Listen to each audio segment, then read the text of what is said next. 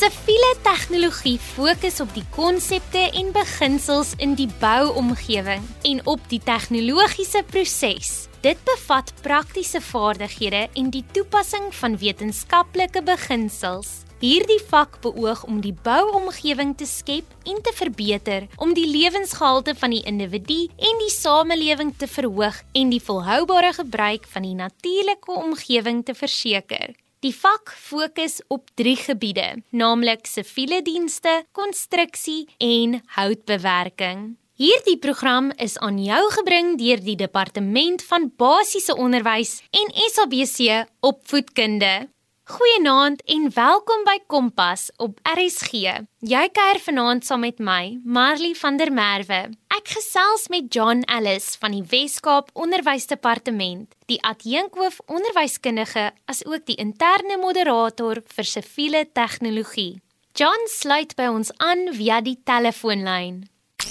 Jy luister na Kompas op RSG.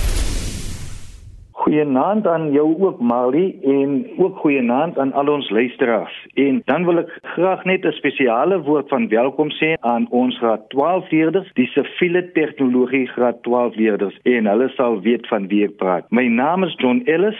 Ek is die adjunk onderwyskundige van die WKOD en vir siviele tegnologie en dit is vir my regtig 'n voorreg vanaand om 'n paar wenke met van ons leerders te kan deel. Baie baie dankie John. So kan jy asseblief vir ons 'n kort uiteensetting gee van wat jy tydens hierdie sessie gaan bespreek? Ek sal 'n paar baie belangrike aspekte aanspreek wat ons leerders hopelik sal help met die voorbereiding van die voorbereidinge asook die finale siviele tegnologie graad 12 eksamen vir die jaar. Punt nommer 1 Ons sal kyk vanaand aan die vakvereistes, onderwerpe en die inhoud.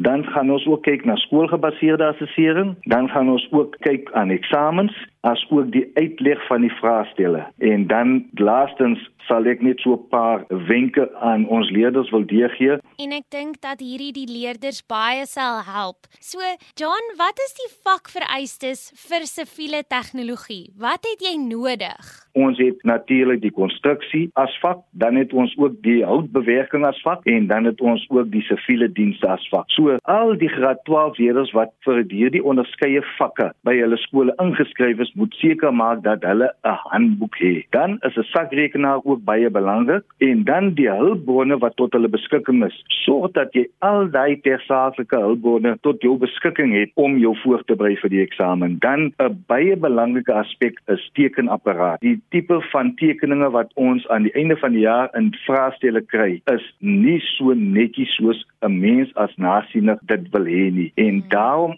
sal dit goed wees as elke siviele tegnologie leerders kan gebruik maak van tekenapparaat John, jy het nou genoem van die skoolgebaseerde assessering en die praktiese assesseringstake. So watter rol speel die SPA en die PAT in siviele tegnologie? Ek sien beide tel 25%. Ja, kom ons kyk sommer net gou hmm. eers na die afkorting daarvan, Marley. Ja. Nou die SPA is skoolgebaseerde assessering hmm. en dit is wat leerders deur die loop van die jaar moet doen. En dan die volgende gedeelte wat ook 25% is van hulle einde van die jaar vraestel is die PET. Nou die PET is 'n praktiese assesseringstaak. As ek dit net in kort kan sê, dis 'n praktiese werkstuk wat leerders moet maak of voltooi om daardie 25% vir siviele tegnologie te kan kry. Nou, as ons net 'n begin kan maak, gaan ons net gou met die SBA werk. Dis die skoolgebaseerde assessering. Nou, gedurende die jaar sal 'n minimum van 2 assesseringstake voltooi word deur die leerders in graad 12. En dan die punte wat hier behaal word in hierdie take vorm 'n deel van die finale punt vir hulle skoolgebaseerde assessering. En die punt maak 25% van die finale punt van die vak uit. Dieselfde soos vir die praktiese assesseringstaak en hierdie praktiese assesseringstaak sluit dan nou in eerstens 'n simulasie en dit sal 20 punte tel as die leerders dit voltooi en dan die produk of die model sal 80 punte van die praktiese assesseringstaak tel en die oorblywende 50 kom dan die eksterne eksamenpunt wat hy dan aan die einde van die jaar sal aflê. En nou as ek net so 'n kort beskrywing kan gee van die skoolgebaseerde assessering, dit is 'n taak wat hulle gaan doen vir die jaar en dit tel gewoonlik so 50 punte en dit is by hierdie tyd nou al reeds afgehandel. En dan in die tweede kwartaal moet hulle die praktiese assesseringstaak doen of 'n 200 punte taak wat hulle ook al reeds afgelê het en dit tel 20% van hulle finale punt. En dan die voorbereidende eksamen dis een vraestel van 200 punte wat natuurlik uit 6 vrae uit bestaan. En dan die praktiese assesseringstaak soos ek al reeds gesê het bestaan uit 'n simulasie wat leerders ook nou al reeds voltooi het en dan dink ek hulle is op die stadium besig met die produk of die model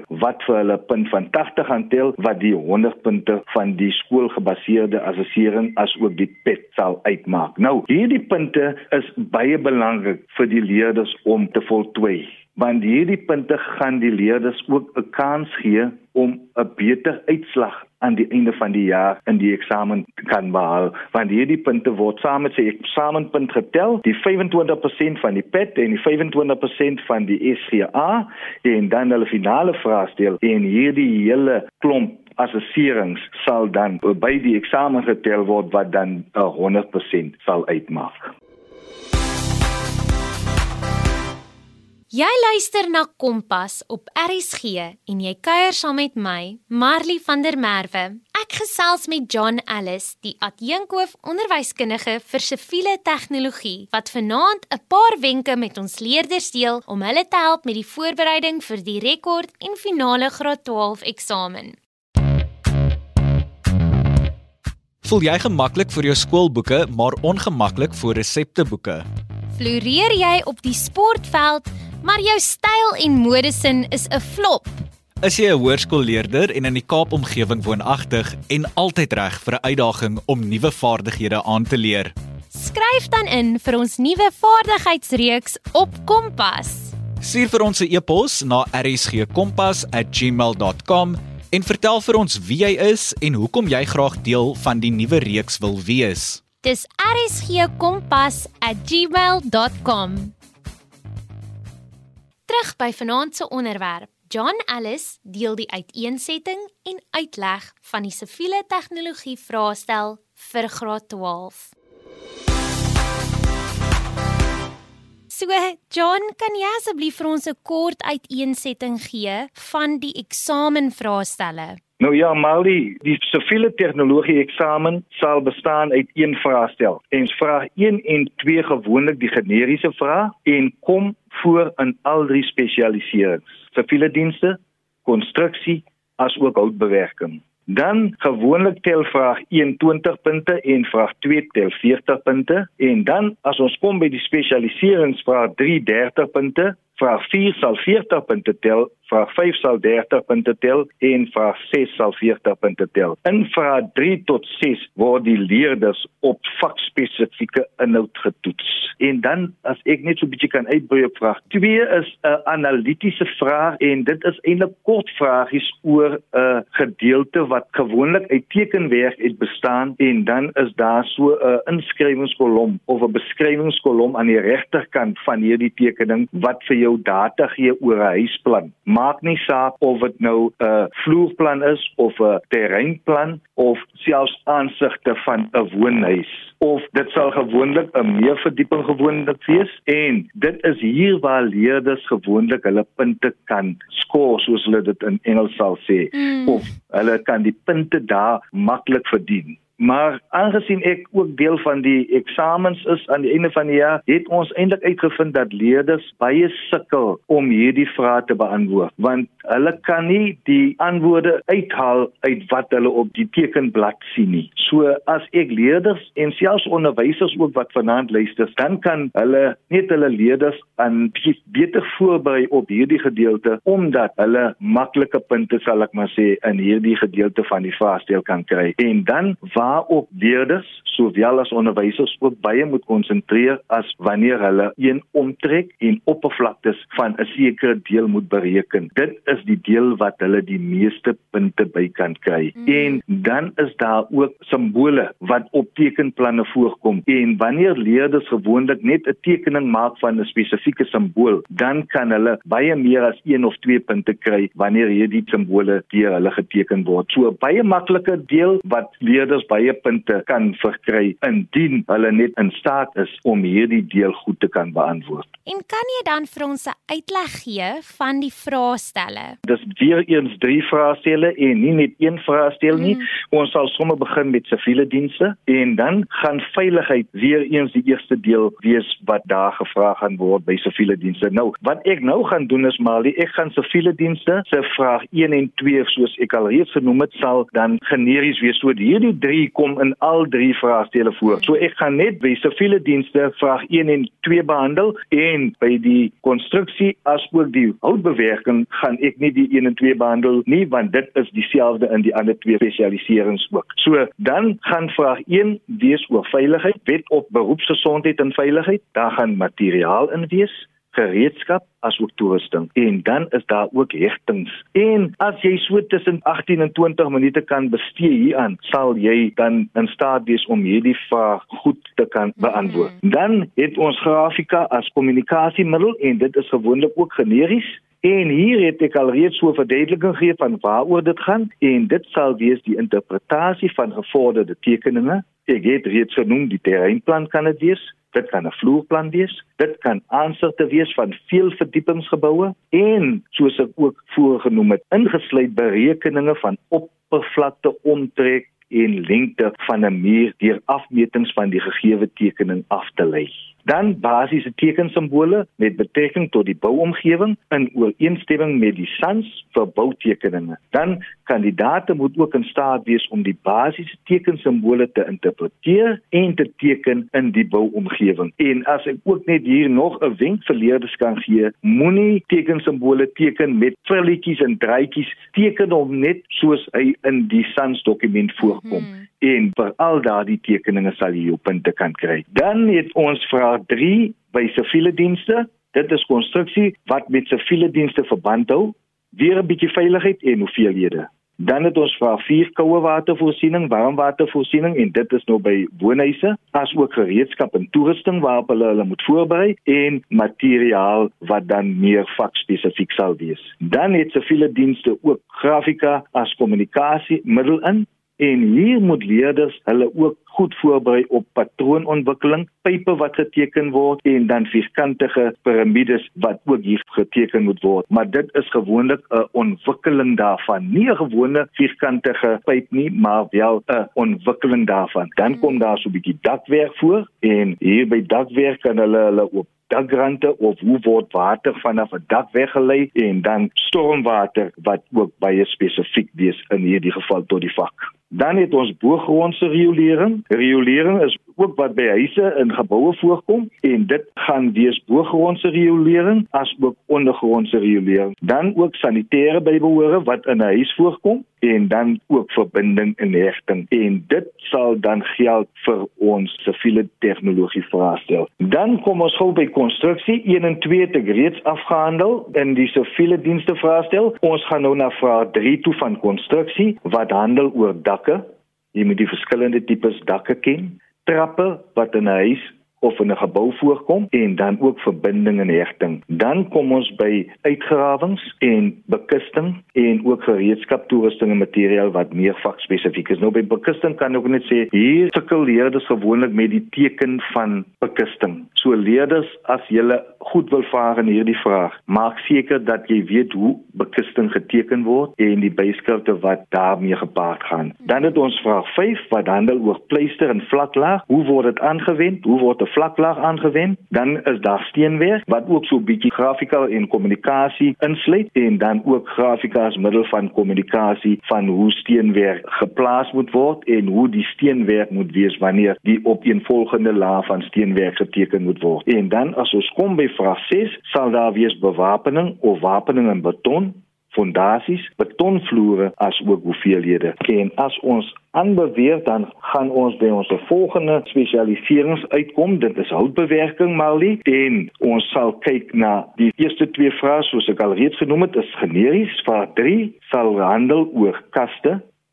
Hulle moet weet hoe die uitleg van ingeboude kaste is, swaairame, dis vensterrame, dan ook muurpaneelwerk as ook 'n gedeelte oor hoeveelhede. En dan vraag 4 sal handel oor dakke, ook die verskillende tipe dakke wat ons kry, plafonne, gereedskap en toerusting as ook materiale. Vraag 5 is formele of sentrering, bekusting, skoring en grafika as kommunikasiemiddel. Dit is natuurlik ook hier waar leerders moet in staat wees om die bekusting van die verskillende kolomme moet te kan teken en wanneer daar vloerbladings gegiet word dat hulle presies weet hoe word hierdie bekusting geteken as ook die byskrifte. En dan gaan ons deur na vraag 6 toe wat handel oor ook 'n vraag wat nie baie goed deur ons eh, houtbewerking leerders beantwoord nie, want dit handel oor hangvloere en leerders moet in staat wees om 'n hangvloer te kan teken. As ook die middelgedeelte wat in die middel van 'n hangvloer gebeur. Hulle moet trappe kan teken en hoe trappe geheg word. Eysterware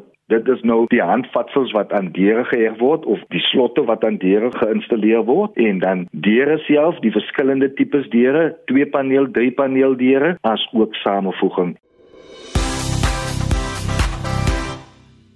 Nou bly die vraag egter: Hoekom is dit belangrik om die vak siviele tegnologie op skool te neem? Loopbaan en lewenservaringsgeleenthede vir leerders met 'n basis in siviele tegnologie sluit siviele ingenieurswese in. Ek het met Dr Wiepke de Villiers, 'n dosent in siviele ingenieurswese by Stellenbosch Universiteit gesels om ons meer oor siviele ingenieurswese in te lig. Wiepke, vertel ons asseblief 'n bietjie meer van jouself. My naam is Wiepke de Villiers. Ek is 'n dosent in siviele ingenieurswese by Stellenbosch Universiteit. In daardie rol gee ek klas vir voorgraadse studente en ek ondersteun my nagraadse studente, dis meesters en doktorsgraadstudente in hulle navorsing. Ek fokus op alternatiewe en meer omgewingsvriendelike boumateriale met ons navorsing. Ek het ook 'n paar jaar in die bedryf gewerk as strukturele ontwerpingenieur. Wiepke, wat is siviele ingenieurswese? Siviele ingenieurswese is 'n professionele ingenieursdissipline wat handel oor die ontwerp, konstruksie en instandhouding van ons infrastruktuur. Die soort dinge wat ons as vanselfsprekend aanvaar, maar waarsonder dit die lewe eintlik baie moeilik sou maak. Siviele ingenieurs voorsien gemeenskappe van skoon drinkwater en sanitasie, behuising en kommersiële ruimtes, padnetwerke, brûe en openbare vervoer wat ekonomiese ontwikkeling, gesondheid en welvaart fasiliteer en nog baie meer siviele ingenieurs bou en onderhou infrastruktuur en hou dit doeltreffend aan die gang om hedendaagse uitdagings soos bevolkingsgroei, klimaatsverandering en natuurrampe aan te spreek en bring slim data-gedrewe oplossings vir die vierde industriële revolusie. Eenvoudig gestel, siviele ingenieurs moet met oplossings vir komplekse probleme vorendag kom en dit implementeer. Hulle vorm letterlik die wêreld waarin ons leef. Wat presies doen 'n siviele ingenieur? Die rol van 'n siviele ingenieur kan wees as 'n konsultant wat op die ontwerp fokus, berekeninge en analises uitvoer om seker te maak dat die brug byvoorbeeld sterk genoeg is vir die verkeer wat oor gaan ry of dat die padpleining veilig genoeg is dat voertuie wel teen 120 km/h langs kan ry. Oor die algemeen spandeer konsultante meer tyd in die kantoor en in kommunikasie met kliënte en die res van die professionele span om aan oplossings saam te werk. Siviele ingenieur kontrakteurs aan die ander kant implementeer die fisiese konstruksie. Hulle is dikwels op terrein maak seker dat die infrastruktuur korrek en betyds gebou word. Die werk kan hoogs tegnies wees en vereis logistieke, bestuurs- en kontraktuele vaardighede. Onafhanklik van die werksomgewing moet alle siviele ingenieurs innoverend, kreatief en logiese individue wees. Hulle moet 'n probleemoplossende houding hê en die vermoë om die groter prentjie te verstaan en om met ander professionele persone en lede van die gemeenskap saam te werk. Wiepke, as een van ons luisteraars in jou voetspore wil volg en ook 'n siviele ingenieur wil word, watter stappe moet hulle neem? Die eerste stap om 'n siviele ingenieur te word is om nie net goeie punte in skynheid en wiskunde te behaal nie, maar ook die konsepte regtig goed te verstaan. Die hoërskool skynheid en wiskunde kennis wat nou opgebou word, is die fondasie van jou loopbaan as siviele ingenieur. Met jou graad 11 punte kan jy dan aansoek doen om 'n B-graad in siviele ingenieurswese by universiteit te studeer en nadat die 4 jaar graad voltooi is, kan jy dan besluit om verder na 'n graad te studeer of om in die praktyk te gaan werk. Na 'n sekere aantal jare se ervaring in die bedryf kan 'n mens dan ook aansoek doen vir registrasie as 'n professionele ingenieur by die Ingenieursraad van Suid-Afrika of EXA. As jy 'n sekere vlak van verantwoordelikheid in jou loopbaan as siviele ingenieur wil bereik, dan moet jy registreer as professionele ingenieur. Dan laastens, Wiepke, het jy enige boodskap vir ons luisteraars? Ons land en die res van die wêreld het siviele ingenieurs dringend nodig. Dis 'n baie uitdagende loopbaan, maar as jy 'n tasbare positiewe verskil in jou samelewing wil maak, word siviele ingenieur. Dit was dan Dr. Wiepke de Villiers, 'n dosent in siviele ingenieurswese by Stellenbosch Universiteit. Terug by vanaand se onderwerp. Waar kan leerders alternatiewe leermateriaal vind en watter wenke het John Ellis vir leerders om hulle te help met die voorbereiding vir die rekord en finale graad 12 eksamen vir siviele tegnologie? Waar kan leerders alternatiewe leermateriaal vind? Die weeklikse lesse wat hmm. uitgeskryf was in die pandemie en hierdie weeklikse lesse is op ons e-portaal beskikbaar. Dan vorige vraestelle is ook op ons e-portaal beskikbaar. Dan is daar ook 'n inligtingspakket wat 'n skakelketting het wat leerders kan op ingaan en dan ook nog inligting daarop kry en dan ook die hersieningspakkette. So soos u kan agterkom leerders is al hierdie pakkette op ons e-portaal beskikbaar. So, John, het jy enige algemene wenke wat jy vir ons leerders kan gee? Normally, wanneer mense in 'n eksamen lokaal instap, is daar maar altyd so 'n bietjie van senuwees veral wat die leerders betref. En dan weet ons dat wanneer leerders in 'n eksamenlokaal ingaan, dan wil hulle graag net weer daar uitkom. Maar eintlik moet hulle probeer om meer op hulle gemak te wees wanneer hulle eksamenkamer binnestap. En ek weet dit is menslik dat leerders met so 'n gevoel in 'n lokaal kan instap. Maar as leerders hulle goed voorberei vir die eksamen of vir die vraestel wat hulle moet aflê, dan dink ek nie dit kan 'n probleem wees nie. Nou, leerders begin sommer net vrae te beantwoord. Hulle sien net 'n skets, dan begin hulle sommer nou net die vraag te beantwoord. Of hulle lees net die eerste gedeelte van die vraag, dan begin hulle sommer net te skryf. So, wat ek vir leerders eerstens wil vra is dat hulle die instruksies moet goed deurlees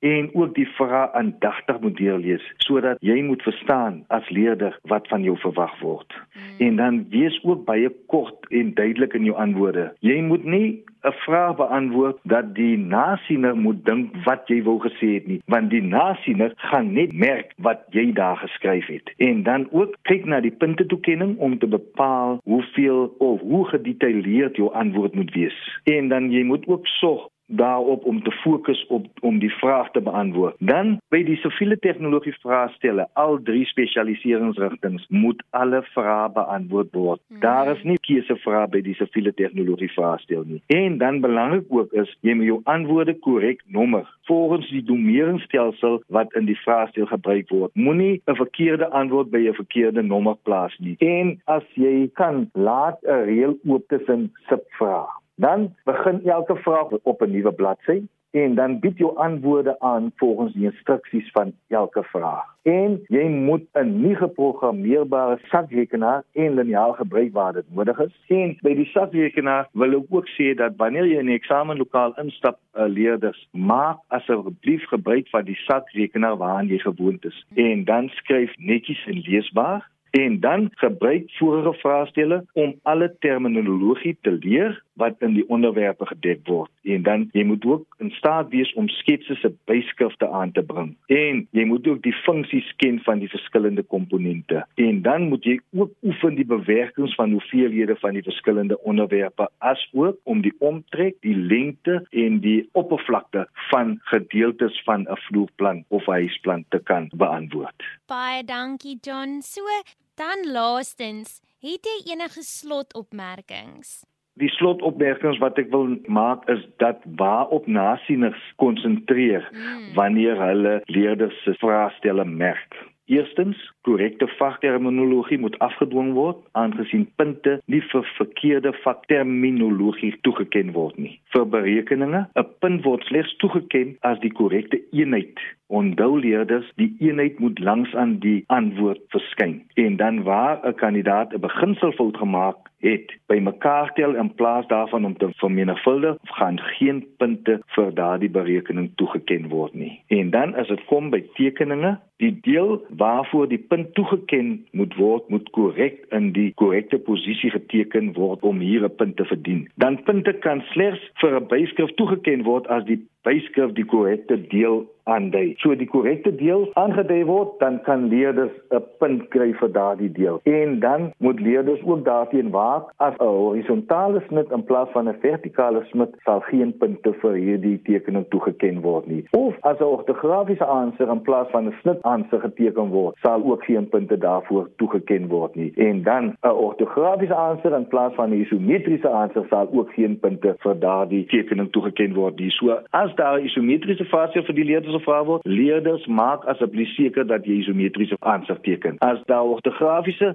in plaas van 'n snit aansig geteken word, maak seker dat jy die ortografiese aansig plaas en nie 'n snit aansig nie. En dan wil ek graag net ten laastens noem maar die daar is 'n nasionale eksamenriglyn dokument wat leerders ook kan afhaal en dit sal ook op die webbladsy beskikbaar wees. Dit sal seker maak dat jy die onderwerpe wat jy moet studeer ken En dan moet jy ook seker maak dat jy alle vrae beantwoord en dan moet jy ook verstaan instruksiewerkwoorde soos beskryf en verduidelik. En as ek nog net 'n laaste woordjie vir ons leerders kan gee, wil ek hulle met die volgende sinnetjie los. Harde werk sal altyd vir jou sukses bring. Dit was dan John Ellis, die adjunkhoof onderwyskundige, asook die interne moderator vir siviele tegnologie. Ongelukkig is dit amper tyd vir my om te groet. Môre aand op Kompas is Aryan Brand weer aan die woord. Ek los julle dus met die woorde van John Ellis. Harde werk sal altyd vir jou sukses bring. Dit was baie lekker om vanaand saam met jou te kuier. Dit was dan Kompas met my, Marley van der Merwe. Tot volgende week.